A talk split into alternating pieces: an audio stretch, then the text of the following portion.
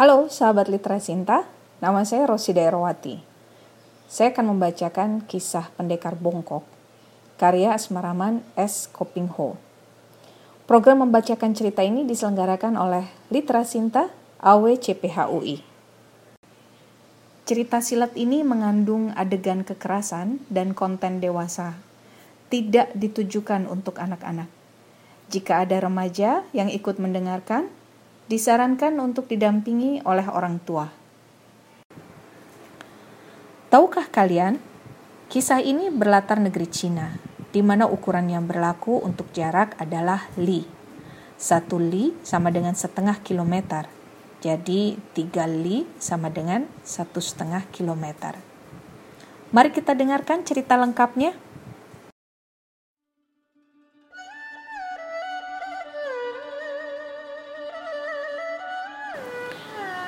Pada suatu hari, Bisian dan Si Leong pergi ke pasar untuk berbelanja.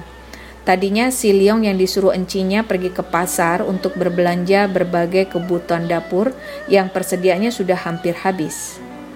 Melihat Si Leong pergi ke pasar, Bisian lalu berkeras hendak ikut dengannya. Ibunya memperkenankan karena anak perempuan itu dapat pula membantu Si Leong membawa barang belanjaan yang cukup banyak.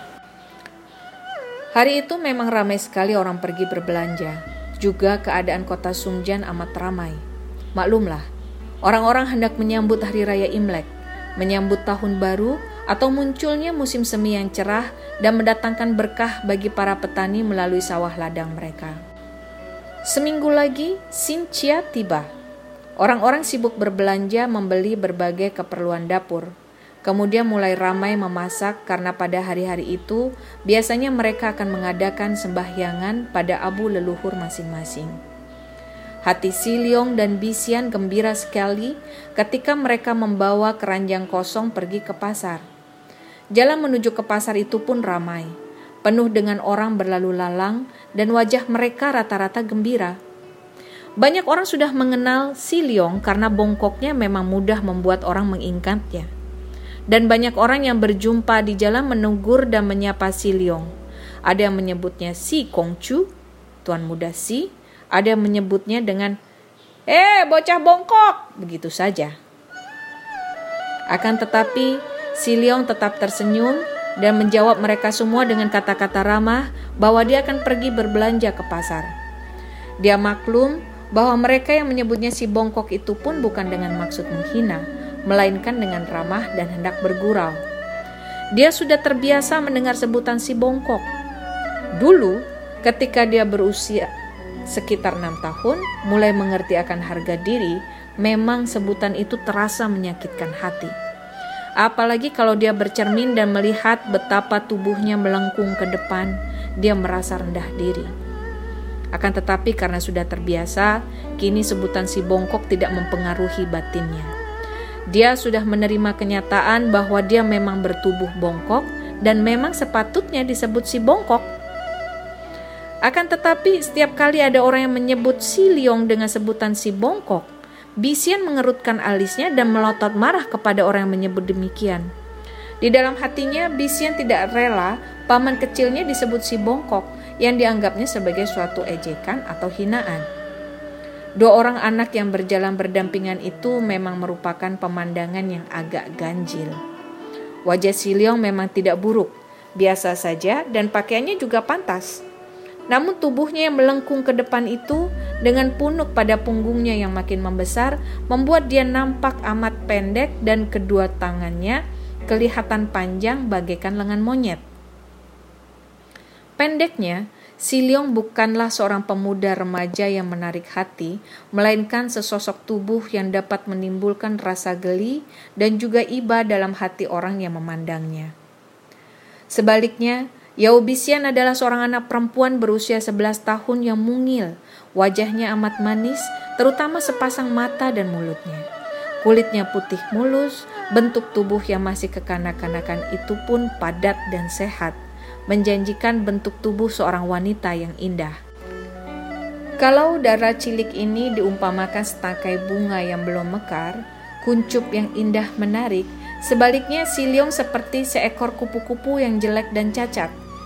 Sungguh tidak merupakan pasangan yang serasi. Mereka sudah tiba di dekat pasar ketika tiga orang anak laki-laki yang berusia antara 13 sampai 15 tahun melihat mereka. Tiga orang anak-anak itu tadinya sedang bermain-main di tepi jalan. Ketika melihat Siliong dan Bisian, mereka menghentikan permainan mereka dan memandang dua orang anak yang membawa keranjang kosong itu. Mereka bertiga tahu siapa adanya Siliong dan mereka tak pernah berani mengganggu mengingat bahwa si bongkok itu adalah adik istri Yao Sun Kok yang terkenal jagoan. Akan tetapi mereka melihat Bisian yang dalam pandangan mereka sangat manis dan menarik. Mulailah mereka merasa iri kepada Si Leong.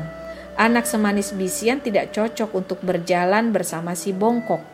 Karena iri hati, maka tiga orang anak itu sengaja hendak memperolok-olok Si Leong.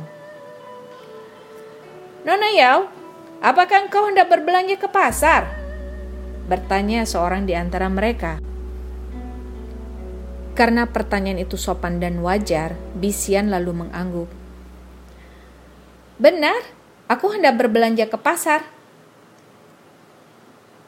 Kalau begitu, marilah kuantar ke kau. Biar nanti kami bertiga yang membawakan barang belanjaanmu sampai ke rumahmu.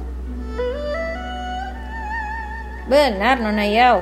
Daripada engkau berjalan dengan si bongkok ini, menjadi buat tertawan orang, kata anak kedua. Nona Yao, kata orang ketiga sambil tertawa. Engkau membawa monyetmu ke pasar, apakah hendak kau jual? Tiga orang anak itu tertawa sambil menuding kepada Siliong.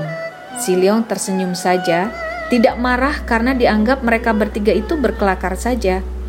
Akan tetapi Bisian yang menjadi marah sekali. Mukanya berubah merah dan dia melangkah maju dengan sikap mengancam. Kalian ini tikus-tikus busuk, berani menghina orang. Apakah kalian hendak menantang berkelahi? Bentak Bisian dengan sikap galak. Anak yang paling besar di antara mereka, yang bertubuh jangkung kurus dan mukanya penuh jerawat, berusia kurang lebih 15 tahun, lalu memberi hormat kepada Bisian. Ai, Mana berani kami menghinamu Nona Yao? Kami hanya main-main dengan si bongkok ini. Karena kami memang penasaran melihat Nona diantar oleh si bongkok. Suruh saja dia pulang dan kami bertiga akan menjadi pengawal dan pengantar Nona agar di jalan tidak ada yang berani mengganggu. Siapa butuh kawalan kalian? Dan jangan kalian mengejek dan menghina dia. Dia adalah pamanku. Menghina dia berarti menghina aku. Nah, enyahlah kalian. Dua orang anak laki-laki yang lain hendak membantah, akan tetapi anak yang jangkung itu menarik tangan mereka. Mari kita pergi dari sini, katanya. Agaknya dia merasa sungkan untuk berbantahan dan berkelahi dengan Bisian. Apalagi di situ mulai berkumpul banyak orang yang menonton. Ketika tiga orang anak itu pergi, orang-orang tersenyum dan memuji kegagahan sikap Bisian. Memang pantas sekali anak perempuan itu menjadi putrinya Yao Sun Kok yang gagah perkasa, kata mereka. Seorang di antara mereka, seorang kakek penjual kue, menghampiri Bisian. Nona Yao, hati-hatilah. Anak yang jangkung tadi adalah putra komandan pasukan keamanan kota. Dia memang nakal sekali dan suka main keroyokan. Bisian mengepal tinju. Tidak takut. Si Leong menghadapi kakek itu. Terima kasih, Lope.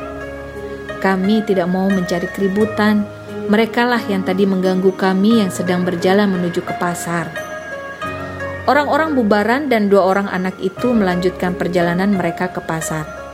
Setelah berjalan, mereka pun melakukan perjalanan pulang. Keranjang mereka sudah penuh dengan barang belanjaan. Si Leong sengaja memenuhi keranjangnya yang besar, sehingga Bisian hanya perlu membawa keranjang kecil yang tak begitu berat.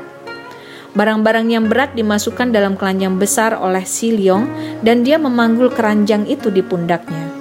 Tangan kiri memegang keranjang itu dan tangan kanannya masih membawa lima ekor ayam pada kaki mereka.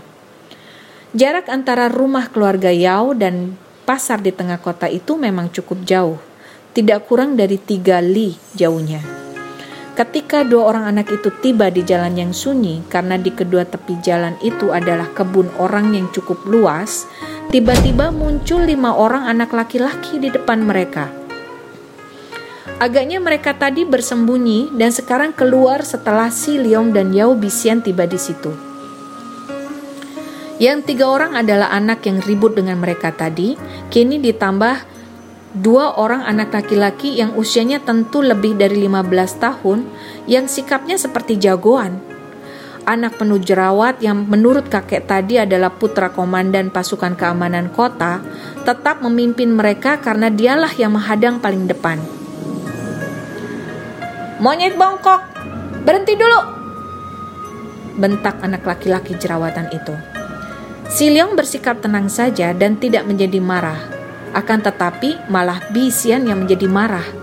Ia segera melepaskan keranjangnya di atas tanah, lalu melangkah maju menghadapi anak laki-laki jangkung jerawatan itu. Engkau lagi? Kalian ini mau apa? Masih juga hendak menghina orang? Nona, kami bermaksud baik. Kami menghormati ayahmu yang menjadi sahabat ayahku. Kami hanya tak rela melihat monyet bongkok ini menjadi pengiringmu. Monyet bongkok, berikan keranjang itu kepada kami dan engkau boleh merangkak pergi dari sini. Biar kami yang mengantar Nona Yao pulang. Kemarahan Bisian memuncak. Engkau sungguh bermulut kotor dan jahat, katanya. Dan ia pun sudah maju dan menyerang dengan tamparan tangannya. Karena sejak kecil Bisian sudah terlatih maka gerakan tangannya itu cepat dan kuat. Pipi kiri anak jerawatan itu terkena tamparan. Aduh! Aduh! Dia terhuyung menutupi pipi yang tertampar dengan tangan, rasanya panas dan nyeri. Ternyata pipi itu menjadi biru membengkak. Nona, kenapa engkau memukul aku yang hendak membantumu? Bentaknya marah dan penasaran. Kalian ini memang kurang ajar dan perlu dihajar, kata Bisian. Bisian sudah menerjang maju lagi. Sekali kakinya terayun, seorang anak laki-laki lain yang mencoba untuk menangkap lengkannya, tahu-tahu jatuh tersungkur dan memegang perutnya sambil meringis kesakitan. Wah, anak perempuan ini galak dan liar, kata dua orang anak laki-laki yang lebih besar dan mereka pun menebruk ke depan. Bisian lalu membagi-bagi pukulan dan tendangan sehingga lima orang anak laki-laki itu jatuh bangun. Akan tetapi mereka itu lebih besar dan mereka kini melakukan perlawanan. Seorang di antara mereka menubruk dari belakang dan berhasil menelikung kedua lengan Bisian ke belakang tubuhnya. Bisian meronta-ronta, akan tetapi anak-anak lain memegangi kaki dan tangannya sehingga ia tidak lagi mampu melepaskan diri. Acong, cepat kau hajar monyet bongkok itu, Biar kami yang memegangi Nona Yao agar ia tidak dapat melindungi monyet bongkok itu. Kata orang yang menelikung kedua lengan Bisian. Biarpun kini ada tiga orang anak yang memegangi tubuh Bisian, namun mereka tidak berani menyakiti anak perempuan itu, juga tidak berani berbuat kurang ajar. Mereka hanya memegangi Bisian supaya anak itu tidak dapat melepaskan diri dan tidak dapat membantu si Leong yang akan dihajar oleh dua orang anak yang lain, termasuk Lu Ki Chong putra komandan pasukan keamanan di Sunjan itu. Akan tetapi, si Leon sudah menurunkan keranjangnya, juga melepaskan lima ekor ayam yang kakinya diikat itu. Tadinya ia memang diam saja dan tidak bermaksud untuk berkelahi dengan anak-anak itu, membiarkan saja mereka menggoda serta mengganggu, bahkan menghinanya. Dia tahu diri, dia memang anak cacat, bongkok, dan hal itu tidak perlu dibantahnya. Akan tetapi, melihat betapa tiga orang anak memegangi kaki tangan Bisian, mukanya berubah merah dan kedua matanya mengeluarkan sinar berapi. Dia boleh menahan semua hinaan yang dilontarkan kepada tubuhnya yang bongkok, akan tetapi jelas bahwa dia tidak mungkin membiarkan mereka itu mengeroyok dan memegangi Bisian. Anak-anak jahat, lepaskan Bisian, bentaknya sambil menghampiri tiga orang yang masih memegangi anak perempuan itu. Akan tetapi, Lu Chong dan seorang temannya yang bertubuh tinggi besar dan bermuka hitam nampaknya seperti jagoan muda menghadangnya. Lu Chong dan anak muka hitam itu adalah murid-murid dari guru silat bayaran terbandai di kota itu. Hei, monyet bongkok! Kami akan melepaskan Nona Yao jika telah kenyang menghajar mukamu yang buruk, kata Lu Chong sambil melayangkan tinjunya ke arah muka Siliong. Siliong belum pernah berkelahi seumur hidupnya. Akan tetapi selama ini dia dengan tekun mempelajari ilmu silat dari Bisian dan dengan rajin sekali, lebih rajin dari Bisian sendiri, dia melatih ilmu-ilmu atau gerakan silat itu di dalam kamarnya atau di tempat sunyi di mana tidak ada orang melihatnya. Karena itu, dia telah memiliki kepekaan dan gerakan otomatis. Meski dia belum pernah berkelahi, namun dia sudah dapat mengenal gerakan-gerakan dalam latihan itu seperti gerakan untuk mengelak, menangkis, memukul, menendang, dan sebagainya. Kini, melihat tangan Kicong melayang ke arah mukanya, secara otomatis tubuh Si Leong bergerak ke belakang dan pukulan itu pun luput. Kicong menyusulkan tendangan kakinya ke arah perut Si Leong akan tetapi anak ini pun dengan gerakan otomatis menggerakkan tangan kirinya menangkis ke samping. Duk! Kaki yang menendang itu pun tertangkis. Melihat betapa dua kali serangannya dapat dielakkan dan ditangkis, Lu Kicong menjadi penasaran sekali. Tadinya dia mengira bahwa dengan sekali pukul saja, dia sudah akan bisa merobohkan si bongkok ini. Dan tangkisan tadi pun kuat sekali, sehingga dia merasa kakinya nyeri. Temannya yang lebih tua darinya dan mempunyai ilmu silat yang lebih pandai segera menerjang ke depan dan menghujankan serangan. Lu Kicong juga menyerang lagi sehingga kini Si Leong dikeroyok dua. Dua orang itu memukul dan memendang dengan gencar dan penuh kemarahan. Ilmu silat yang pernah dipelajari Si Leong hanya melalui bisian dan tidak pernah dia mendapatkan bimbingan guru maka gerakan-gerakan yang dipelajarinya itu tidak lebih hanya gerakan kembangan saja, seperti tarian. Maka, pada saat menghadapi serangan sungguh-sungguh yang dilakukan dua orang anak laki-laki yang sudah biasa berkelahi, tentu saja dia kewalahan. Tadinya dia hanya ingin menolong Bisian, tidak ingin memukul orang. Akan tetapi, kini tubuhnya mulai menjadi bulan-bulanan pukulan dan tendangan. Untung baginya bahwa berkat kerajinannya bekerja dan bangun pagi-pagi sekali melakukan segala pekerjaan berat, tubuhnya menjadi sehat dan kuat sekali. Pukulan dan tendangan yang diterimanya itu hanya mendatangkan rasa nyeri, akan tetapi tidak sampai merobohkannya. Setelah kini tubuhnya serta mukanya menjadi sasaran pukulan dan tendangan, merasa betapa tubuhnya nyeri-nyeri, Si Leong menjadi marah Apalagi dia mendengar Bisian berteriak-teriak. Jangan pukuli Paman Liong! Lepaskan dia! Jangan pukuli dia! Ah, kalian anak-anak jahat! Iblis siluman! Lepaskan aku! Biar aku yang melawan kalian! Plak! Dia menangkis pukulan Kicong dan membiarkan saja pukulan si muka hitam mengenai dadanya. Akan tetapi dia lalu membalas kepada Kicong dengan pukulan tangan kanan ke arah leher putra komandan itu. Tenaga Siliong memang besar dan pukulan itu keras sekali, juga mengenai pangkal leher dengan tepat, sehingga tubuh Kicong terputar lalu dia roboh dan mengaduh-aduh. Si muka hitam menyerang dari samping. Tangan kanannya berhasil mencengkeram muka Siliong. Agaknya dia bermaksud untuk mencengkram mata si Leong, namun terlalu rendah, sehingga yang dicengkram adalah hidung dan mulut si Leong. Cengkraman itu keras, dan kalau dilanjutkan, tentu hidung dan bibir si Leong dapat terluka. Karena kesakitan, si Leong membuka mulutnya dan menggigit jari telunjuk yang berada di mulutnya, menggigit dengan keras mengerahkan tenaganya. Hampir saja jari itu putus oleh gigitan si Leong. Setidaknya tentu buku jarinya sudah retak-retak. Anak bermuka hitam itu menjerit-jerit kesakitan. Si Leong lantas melepaskan gigitannya dan anak itu memegangi jari tangannya sambil meloncat-loncat kesakitan. Rasa nyeri menusuk jantungnya. Lu Kicong yang tadi terpukul pangkal lehernya sekarang sudah bangun lagi. Dengan kemarahan berkobar, dia menggunakan kedua tangannya memukul dari atas ke arah ubun-ubun kepala Si Leong. Karena tubuhnya jangkung, maka dia dapat melakukan serangan seperti itu dan kalau mengenai ubun-ubun kepala, mungkin saja Si Leong akan terluka parah atau setidaknya akan roboh pingsan.